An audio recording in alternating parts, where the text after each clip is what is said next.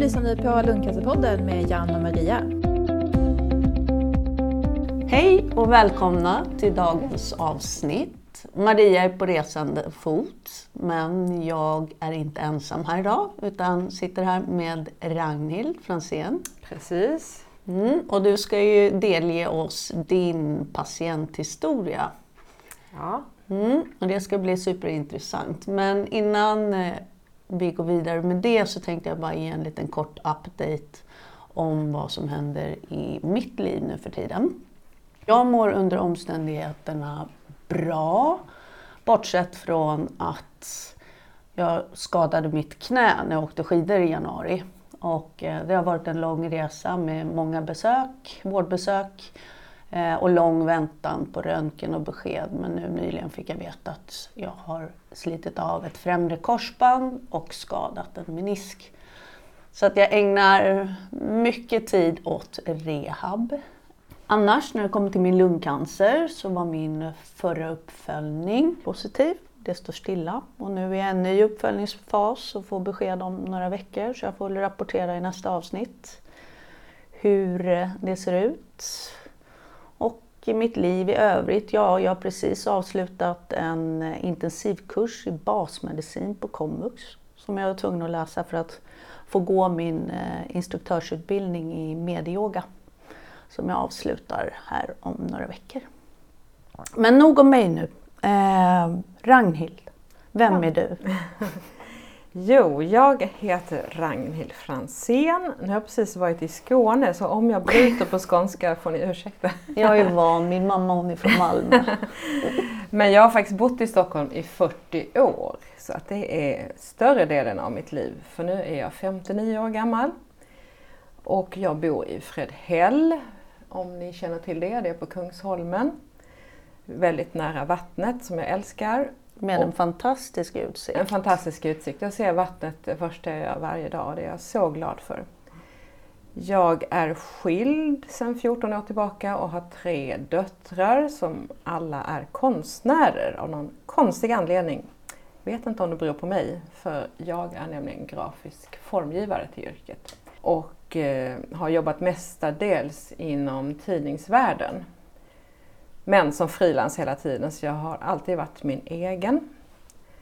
Eh, sen har jag också pluggat en del. Jag har till exempel läst in en teolkand, teologiekandidat, och jag har läst konsthistoria och nu senast bildpedagogik. Ja, gjort lite av Och varje. bildpedagogiken, den har du läst efter du fick din diagnos? Ja, eller? jag kände att jag behövde något nytt och ägna mig åt och då såg jag den här kursen i Umeå som jag då har åkt upp två gånger per termin och det har varit jätteroligt för det har varit väldigt praktiskt, mycket grupparbete och så. Så det har varit bra för mig. Precis. Men kan inte du lite kort berätta om din resa fram till diagnos? Ja, det började med att jag fick eh, hjärtsvikt november 2016 och det var också något jätte oväntat som kom av att jag fick hjärtklappning en eh, dag. Och sen gick pulsen inte ner. Jag hade varit på bugg och tänkte det var väl det men eh, nej det försvann inte. Och sen eh, ringer min sambos dotter som är läkare och säger bara åk in akut. Och då eh, var det en liten hjärtinfarkt, hjärtinfarkt B, som jag då blev inlagd för. Och, Och, hjärtinfarkt B? ja, det vad är alltså en liten hjärtinfarkt. Det är, det är lite lömskt när det gäller kvinnor. Man vet liksom inte hur symptomen är riktigt. Men eh, jag fick åka hem med tio olika hjärtmediciner som jag skulle ta och det var liksom livet ut och hjärtsvikt det blir man inte frisk från och det lät väldigt dystert. Men eh, fick gå på uppföljning då hos en hjärtsjuksköterska på Sankt Göran men sen eh, efter ett tag så eh, ja, släppte de mig.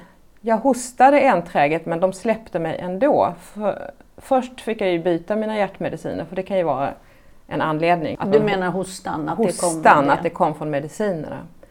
Men det hjälpte inte och eh, till slut så släppte de mig bara. Ja, helt plötsligt var jag friskförklarad från den här hjärtsvikten som jag skulle ha livet ut. Och det var alltså i februari. Men jag som precis hade börjat jobba efter en eh, period av arbetslöshet ville ju inte vara sjuk så jag gjorde allt för att hålla mig kvar på jobbet. Jag hade en rethosta som gjorde att jag inte kunde säga en mening utan att hosta. Och det var jätteenerverande. Men i maj 2017 tyckte min sambo då att du måste gå till vårdcentralen. Vilket jag gjorde bara för att liksom ja, checka av. Jag tänkte de är väl inte intresserade av en liten hosta. Men min eh, distriktsläkare tog mig på högsta allvar och eh, startade en utredning att eh, kolla om det var astma, om det var struma och han skickade mig på lungröntgen. Så det gjorde han direkt. Hade du några andra symptom än hosta? Jag var ju lite tröttare, det var det. Så var det nog. Och jag som bor ganska högt upp på en backe tyckte det var jobbigt att gå hem. Mm. Att det var liksom, sista biten där var liksom, ah, jag är jätteandfådd. Men jag tänkte bara, jag har väl dålig kondis, det är väl därför. Men när vi hade gjort, eller jag hade gjort den där lungröntgen då, då åkte jag direkt till Dalarna för jag skulle se Sting, min favorit uppe i Dalhalla. Men så ringer min distriktsläkare så fort jag kommer fram och berättar att de har sett någonting på min vänstra lunga. Sa han vad de hade sett eller? Förändringar sa han bara. Mm. Inget mer. Vad tänkte du då? Nej, jag tänkte ingenting. Jag tänkte oj, vad kan det vara? Jag visste liksom inte vad man kan ha för lungsjukdomar. Jag tänkte absolut inte cancer. Det var inte, fanns liksom inte i min värld på den nivån. Så att jag eh, försköt bara, förträngde det. Och, eh, men jag fick ju komma till eh, sjukhuset när jag kom hem och göra en ny lungröntgen. Och det blev nya provtagningar och man sa att jag hade fläckar på lungan. Men jag skulle åka på semester veckan efter till Sicilien och ingen sa någonting om cancer så jag tänkte det håller vi liksom på utanför. Så jag, du tänkte, tänkte du någon gång att det kunde vara cancer? Klart att nu börjar jag ändå tänka eftersom jag fick göra alla de här provtagningarna. Men mm. jag ville inte tänka det. Utan eh, vi skulle åka på semester och jag frågade, går det att åka till Sicilien eller måste jag vara hemma?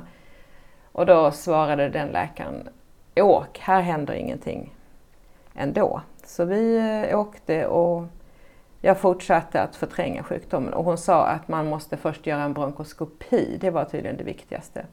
För att ta reda på vad finns i mina lungor.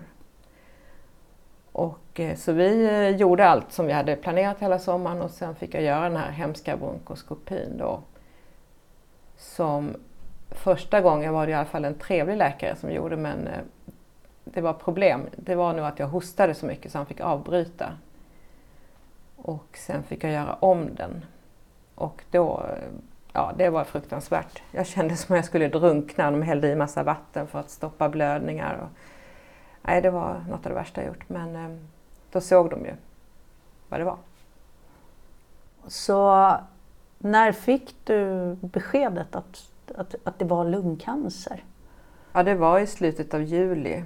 Jag kommer då in till läkaren eller vi kommer in till läkaren och där eh, säger hon utan omsvep att jag har lungcancer. Och vad tänkte du då? Men, säger hon, det går att operera. Och då kände jag bara, pust, det går att få bort, det går att få bort. För hon beskrev för mig att hon skulle börja en cytostatika-omgång med sex stycken cytostatika. Och efter det, så när tumören har krympt så kommer de att operera för det hade kirurgerna varit positiva till. Så att på något sätt så fick jag ändå lite hopp. Det kändes inte som något livshotande. vad hände sen?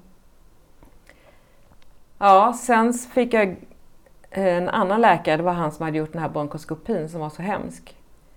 Och när jag kommer till honom inför den andra omgången av cytostatika och har en del frågor inför min andra gång så säger han bara nu avbryter vi cytostatikabehandlingen. Och jag, men ursäkta, vi skulle göra det här sex gånger. Nej, men det har ju inte hjälpt så det är ingen idé. Nej, men eh, jag ska ju opereras.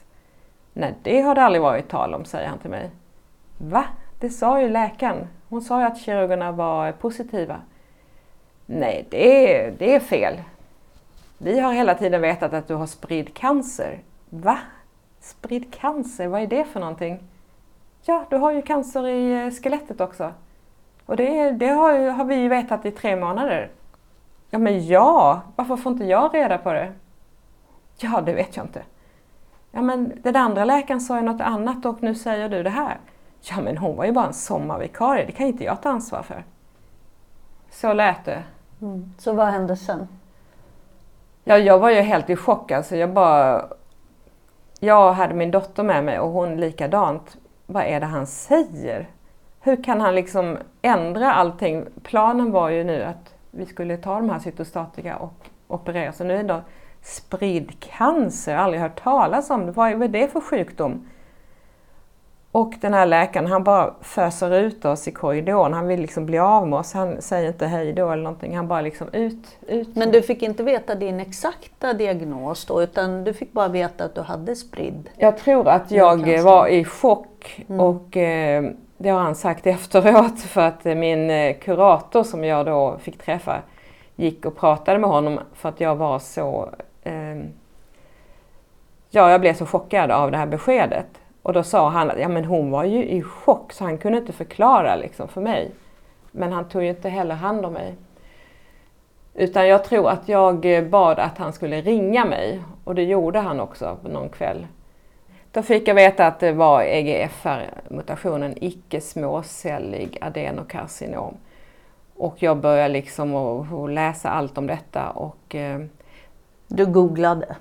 Jag googlade, men samtidigt fick jag också jag pratade med honom, ja men liksom hur sjuk är jag? Finns det någon liksom mått på det här? Jag har ingen aning om vad, hur långt har det här gått liksom på så här kort tid? Eftersom från ena gången till den andra så har jag spridd cancer. Ja, du är i stadium 4 säger han då. Stadium 4? Av hur många då? Ingen aning. Av fyra. Okej, okay. och vad betyder det? Palliativ vård palliativ, då är man ju liksom nära döden. Så eh, för mig var det väldigt chockartat alltihopa, hela den här resan. Och att man bara blev utslängd åt eh, att klara sig själv med de här beskeden. Ingen som följde upp eller frågade ens, har du rökt? Eller vad kan jag ha varit med om för att få den här sjukdomen? Hur kan för det du utvecklas? har aldrig rökt? Nej, om man bortser från ungdomssynder med festcigaretter och så, så har jag inte rökt. Och vilken behandling påbörjade du då efter cytostatika? Ja, då skulle han ju berätta för mig att jag skulle få en målstyrd behandling. Vilket han gjorde då väldigt snabbt. Och att den här eh, var väldigt mycket biverkningar, att man skulle få mycket hudutslag, jag skulle få dålig mage, jag skulle inte kunna vara ute i solen. Och han målade upp det som att det var värsta scenariot. Så att jag var ju inte så glad åt att få börja med den här Tarsevan då, som jag skulle börja med. Dessutom gav han mig också väldigt kort eh, tid att den här tabletten skulle bara hjälpa i ett år. Och sen fanns det en tablett till. Men sen mm. kunde han inte säga något mer utan sen var det liksom slut. Jag har ju hört din historia förut. Men den är ju fruktansvärd och just det... Visst, vi har hört om illa bemötande men, men din resa ger exempel på om och om igen hur du bemöttes illa. Gjorde du någonting åt ja. det? Nej, men jag kände att jag kan inte träffa den här läkaren som hade betett sig så illa. Jag eh, måste be att få träffa någon annan. Och då eh, vill jag träffa en onkolog eftersom den första läkaren var lungläkare. Och då kom jag till en person som ler, som tittar mig i ögonen, som säger hej, välkommen. Vilket borde ju vara en självklarhet Ja, egentligen. det kan man tycka. Men i alla fall, som tar mig på högsta allvar och som inte bara vill gå därifrån utan som sitter ut tiden, jag får fråga vad jag vill. Han har gott om tid. Och jag bara tänker, honom vill jag ha. Och jag ber att få honom som läkare för att jag kommer inte klara den här resan om jag inte har någon som ger mig en positiv approach. Och dessutom säger han till mig när jag säger att jag har inte så lång tid kvar att leva, så säger han, nej men varför säger du det? Den här medicinen, den kan du äta i flera år. Jag har en patient som har ätit den i fem år. Och sen efter det så finns det ju flera mediciner. Det finns 2000 som är på ingång. Och immunoterapi så det finns hur mycket möjligheter som så helst. han gav dig hopp? Han gav mig en helt annan horisont. Han liksom öppnade min vy så här. Men idag, om jag har förstått det rätt, så står du fortfarande på samma behandling? Precis, och det har gått 20 månader. Mm, det är fantastiskt. Och jag är jätteglad för att jag har knappt några biverkningar, eller väldigt lite. Jag har ett krylligt hår mm. som inte växer och eh, aldrig blir fett, vilket är rätt skönt. Och hudutslag har jag inte speciellt mycket, jag kan ha några finnar ibland. Jag har dålig mage på morgnarna men det går över. Så att, eh, och naglarna spricker och eh, hyn är väldigt eh, ja, konstig på sina ställen mm. med sprickor. Men jag känner mig jätteglad för att jag lever och att de här små sakerna det är peanuts. Så idag, hur ser din sjukdomssituation ut idag? Jo, det lyckliga är att den här tabletten som jag tar en om dagen har krympt cancern 90 procent. Det är fantastiskt. Och nu har det mm. stått still i ett år, vilket också är helt otroligt. Och du sprang ju här för någon helg så sprang du Kungsholmen runt yes. en mil. Ja, det, det, var största segern för mig för att jag kände det, att jag behövde ha någonting att sätta tänderna i att uh, kämpa för någonting och då anmälde mig till det här Kungsholmen runt eftersom jag bor på Kungsholmen. Och den är ju en mil det loppet och jag tänkte ja, men jag kommer inte orka, jag har inte sprungit på flera år, jag har inte sprungit sedan jag blev sjuk.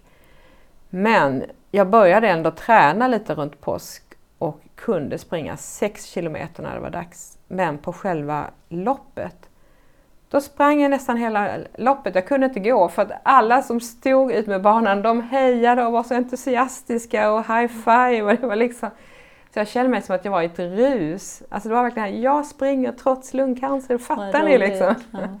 ja. För löpning, det är väl också ett sätt för dig att hantera när du inte mår bra? Ja precis. Jag har haft lite, vad ska jag säga, ångest nu i vår. På morgnarna speciellt. Och då kände jag att jag måste göra något åt det. Så att jag började ut och springa på morgnarna direkt. Upp från sängen och ut. Och då kände jag att eh, de här tankarna försvann. Så det var ett sätt för mig att eh, dels komma upp och att få in positiva tankar. Du är ju troende också. Ja.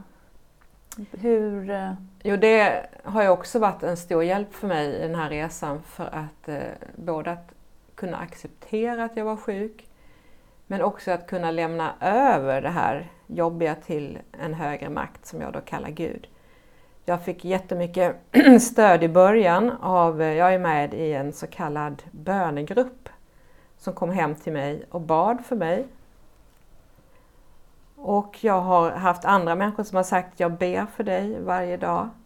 Och sen ber du också? Och jag ber själv. Och jag säger att, att det är Gud och forskningen som har gjort att jag mår så bra. Det är en kombo att det har fungerat, medicinen har fungerat så bra. Det var ju bara 15 procent som kunde äta den och att det har tagit så klockrent på mig. Jag känner mig oerhört tacksam för. Och sen är jag tacksam till livet varje dag. Det är inte liksom självklart. Mm. Mm. När vi talar om eh, aktiviteter för att också må bra, finns det något annat du gör för att förhöja ditt välmående? Alltså jag gör väldigt mycket och det har jag alltid gjort. Jag reser, jag eh, träffar mitt barnbarn så ofta jag kan, jag eh, umgås med människor. Jag känner, eftersom jag är hemma ganska mycket så måste jag liksom ta mig ut och göra saker. Så att jag kanske lunchar med väninnor och jag går på någon utställning. Och, men jag är också väldigt engagerad i en församling som jag är med i.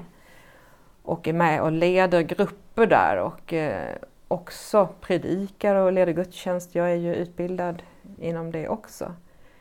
Och du eh. håller, vi är en grupp i Lungcancerföreningen som nu träffas ja, precis. och gör det här programmet Livsstegen, precis. vilket jag tycker har varit otroligt givande. Ja. Kan du inte berätta lite mer om det? Jo, nej men det är så att eh, det är en, ett program som heter Livsstegen som är utarbetat av Olle Karlsson som är präst i Katarina församling.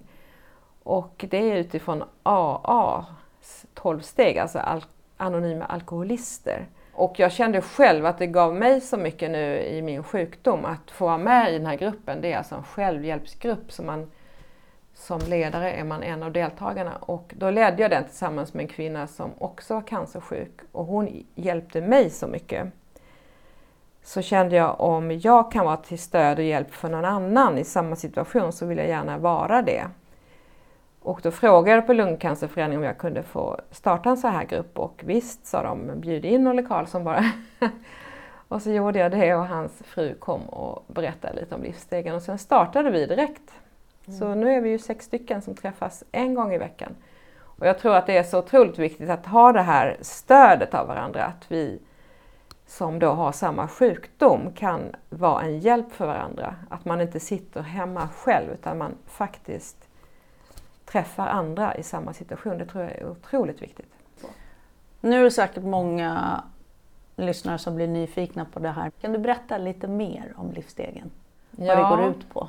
Det handlar ju om att det är någonting som har kommit mellan mig och livet. Och eh, ett problem har uppstått och i vårt fall är det sjukdomen som gör att jag inte kan leva fullt ut så som jag gjorde tidigare. Och då finns det här eh, programmet då där man går igenom saker i livet, vad som har hänt tidigare, barndom och eh, ungdomstid och så vidare. Och mycket handlar om att öppna upp för något högre, att det finns något ovanför mig själv. Ett högre jag, eller en gud, vad man vill kalla det. Och det är det här som har hjälpt massor med människor som har varit i beroendeproblematik. Och det kan också hjälpa oss att hitta oss själva när vi är i det här sjukdomstillståndet. Ja, det har varit, jag tycker det har varit otroligt givande och som du säger att vi, ju, vi är ju lite i samma situation så då blir ju frågeställningarna också mm. eh, utifrån ja, att vi har ett våra, gemensamt perspektiv. Vad vi har varit med om och man kan mm. tipsa varandra lite grann också. Mm. Om vi backar eh, bandet lite grann. Hur gjorde du med eh, när du fick beskedet? Hur meddelade du din omgivning? Jag var väldigt transparent för jag, jag kunde inte bara hålla tyst. Alltså. Jag berättade för alla jag mötte i princip. Alltså på gator och torg. Nej, inte riktigt så. Men träffade en granne så sa jag direkt, vet du, jag har fått cancer. Vilka reaktioner fick du då? Både jag tänker från vänner, nära vänner, avlägsna vänner? Och... Ja, det var en väldigt jobbig period. Konstig, annorlunda. För att eh, eftersom jag berättade så öppet och jag även berättade för eh, mina kunder, för detta kunder och så. Och det spreds hejvilt så till slut så hörde liksom gamla klasskompisar av sig från Skåne och ville komma och besöka mig och alla vänner ville komma. Alltså det var som att nu skulle alla ha ett sista farväl. Så att eh, jag var ju helt slut och liksom gick bara och tänkte på döden hela tiden och började skriva på min begravning och allt vad jag höll på med, sådana konstiga saker. Och gick till banken och sa att jag ska snart dö så jag måste veta vad jag ska göra med mina pengar. Och det, var, det var verkligen helt har vänrelationerna förändrats sedan dess? Ja, alltså det är ju inte lika många som frågar hur jag mår längre och eh, jag kan nog säga att en del vänner har ju försvunnit. Och nu när jag inte jobbar så mycket så känner jag att de relationerna jag hade på arbetet, de har jag inte så många kvar längre. Jag har några. Men jag har ju mina trognaste vänner har jag fortfarande både i ja, församling och sen vänner och mina syskon i Stockholm. Eh, sen har det kommit till nya vänner i cancer eh, Eh, sammanhang och jag tycker att Lungcancerföreningens eh, möten som vi har här i Stockholm eh, det betyder jättemycket och där kan man connecta och hitta nya vänner och där känner jag att eh, det har ju blivit ett plus med sjukdomen just att hitta nya sammanhang och nya vänner. Mm. Skulle du vilja säga att det finns en Ragnhild före och efter diagnos? Eh, nu tycker jag att jag eh, beter mig som att jag inte är sjuk och det, det, lärde jag mig av den här kvinnan som jag ledde livsstegen med. För hon, när jag var som argast i början, när jag liksom, jag kunde inte acceptera att jag var sjuk och jag bara liksom blev osams med människor överallt, överallt.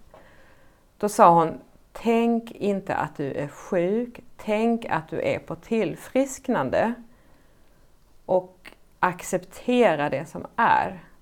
Och på något sätt så gjorde det någonting med mig att jag inte koncentrerade mig så mycket på sjukdomen och döden utan tvärtom, jag ville leva det liv jag har så länge jag har det. Så jag glömmer bort emellanåt att jag är sjuk faktiskt. Jag tänker inte så mycket på det. Nu är jag ju lyckligt förskonad från många biverkningar och jag eh, orkar mycket. Men jag har ju fortfarande det här inom mig. Hur ser du på framtiden? Ja, den stora skillnaden är nog att man inte kan planera så mycket. Det tycker jag är jobbigt. Eh, när folk sitter och pratar om sin pension och vad de ska göra och så vidare. Så känner jag så kan inte jag tänka utan jag kan bara tänka i nuet. Men finns det ingenting positivt med det? Att inte kunna planera? Jo, alltså jag har ju märkt vissa fördelar för att jag hade alltid en full kalender förut. Jag gjorde väldigt mycket saker. Och nu när jag inte har det längre så kan jag ju mer eh, ja, ta in det som finns runt omkring mig i närheten och jag har mer tid för andra människor och jag känner att jag är ett lugnare jag. Jag eh, är inte så stressad. Eh, jag har tid med mitt barnbarn, kan träffa henne. Min dotter ringer ibland, hon bor i Göteborg. Kan inte du komma hit och passa Harriet? Och då kan jag säga ja. Jag kunde åka med henne till Indien, det kändes också kul. Har du några rekommendationer till oss andra som har en diagnos eller just har fått en lungcancerdiagnos? Ja, det första är tycker jag att man tar reda på allting, att man får ställa sina frågor. För man kan inte bara acceptera en sån här stor sak utan att få veta varför. Och jag gjorde, jag frågade alla jag kunde, tog hjälp av alla människor jag kunde inom vården, kurator, sjukgymnast, kontaktsköterska och jag liksom bara att få träffa läkare och ställa frågor. Och jag fick åka på rehab, tycker jag var jätteviktigt att man fick göra det så fort som möjligt och träffa andra som faktiskt också var sjuka. Det var inte bara jag som hade fått det här. Så att det, det hjälpte mig i början och att jag gick till kuratorn. Hon var också väldigt hjälpsam för att jag fick göra mycket, eh, dra ut tänder och saker som kostade massa pengar och då hjälpte hon mig med det och söka. Och det gjorde du för att kunna få skelettförstärkande Ja, skeva? precis. Då fick jag inte ha några liksom pågående inflammationer. Nu hade jag Mm. inte det men ändå att man var tvungen att dra ut två tänder. Så hade jag redan en, en tand som var utdragen så att det kändes som ett förfall. Vården kunde dra ut men de kunde inte ersätta. Har du några andra rekommendationer? Umgås med dem du tycker om, gå med i olika föreningar om du orkar, gå med i en kör. Gör saker som är livsbejakande. Mm. Ha roligt, skratta, ta dig ut. Jättefint. Eh, Innan vi rundar av, eh, har du något som du vill lämna våra lyssnare med?